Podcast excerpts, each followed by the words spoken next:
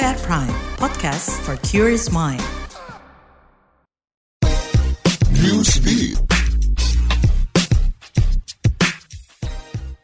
Materi pelajaran sekolah di Arab Saudi mulai berubah ke arah moderat. Ini bisa dilihat dalam pembahasan soal Yahudi dan umat Kristen. Narasi bahwa keduanya adalah musuh Islam sudah dihapus. Ini berdasarkan laporan yang dirilis Institute for Monitoring Peace and Cultural Tolerance in School Education terkait konflik Israel-Palestina. Kini materi pembahasannya juga lebih moderat meski sepenuhnya belum menerima Israel. Adapun topik soal Holocaust belum disinggung. Perubahan isi buku pelajaran ini terjadi di tengah wacana normalisasi hubungan Israel-Saudi.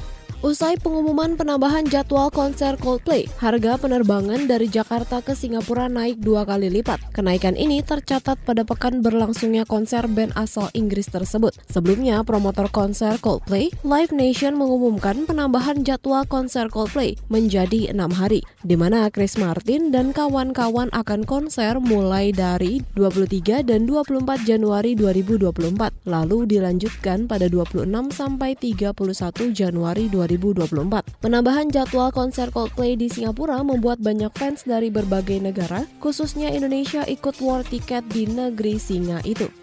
Cristiano Ronaldo menjadi penentu kemenangan Portugal atas Islandia dalam laga grup J kualifikasi Euro 2024. Pada pertandingan 21 Juni 2023, Ronaldo juga mencetak sejarah sebagai pemain pertama yang mencapai laga ke-200 bersama timnas. Menurutnya, 200 pertandingan itu dijalankan dengan komitmen, dedikasi, dan tanggung jawab yang sama seperti pertama kali ia bermain bersama Portugal. Ia pun berjanji akan terus mencetak gol dan memberikan segalanya untuk timnas.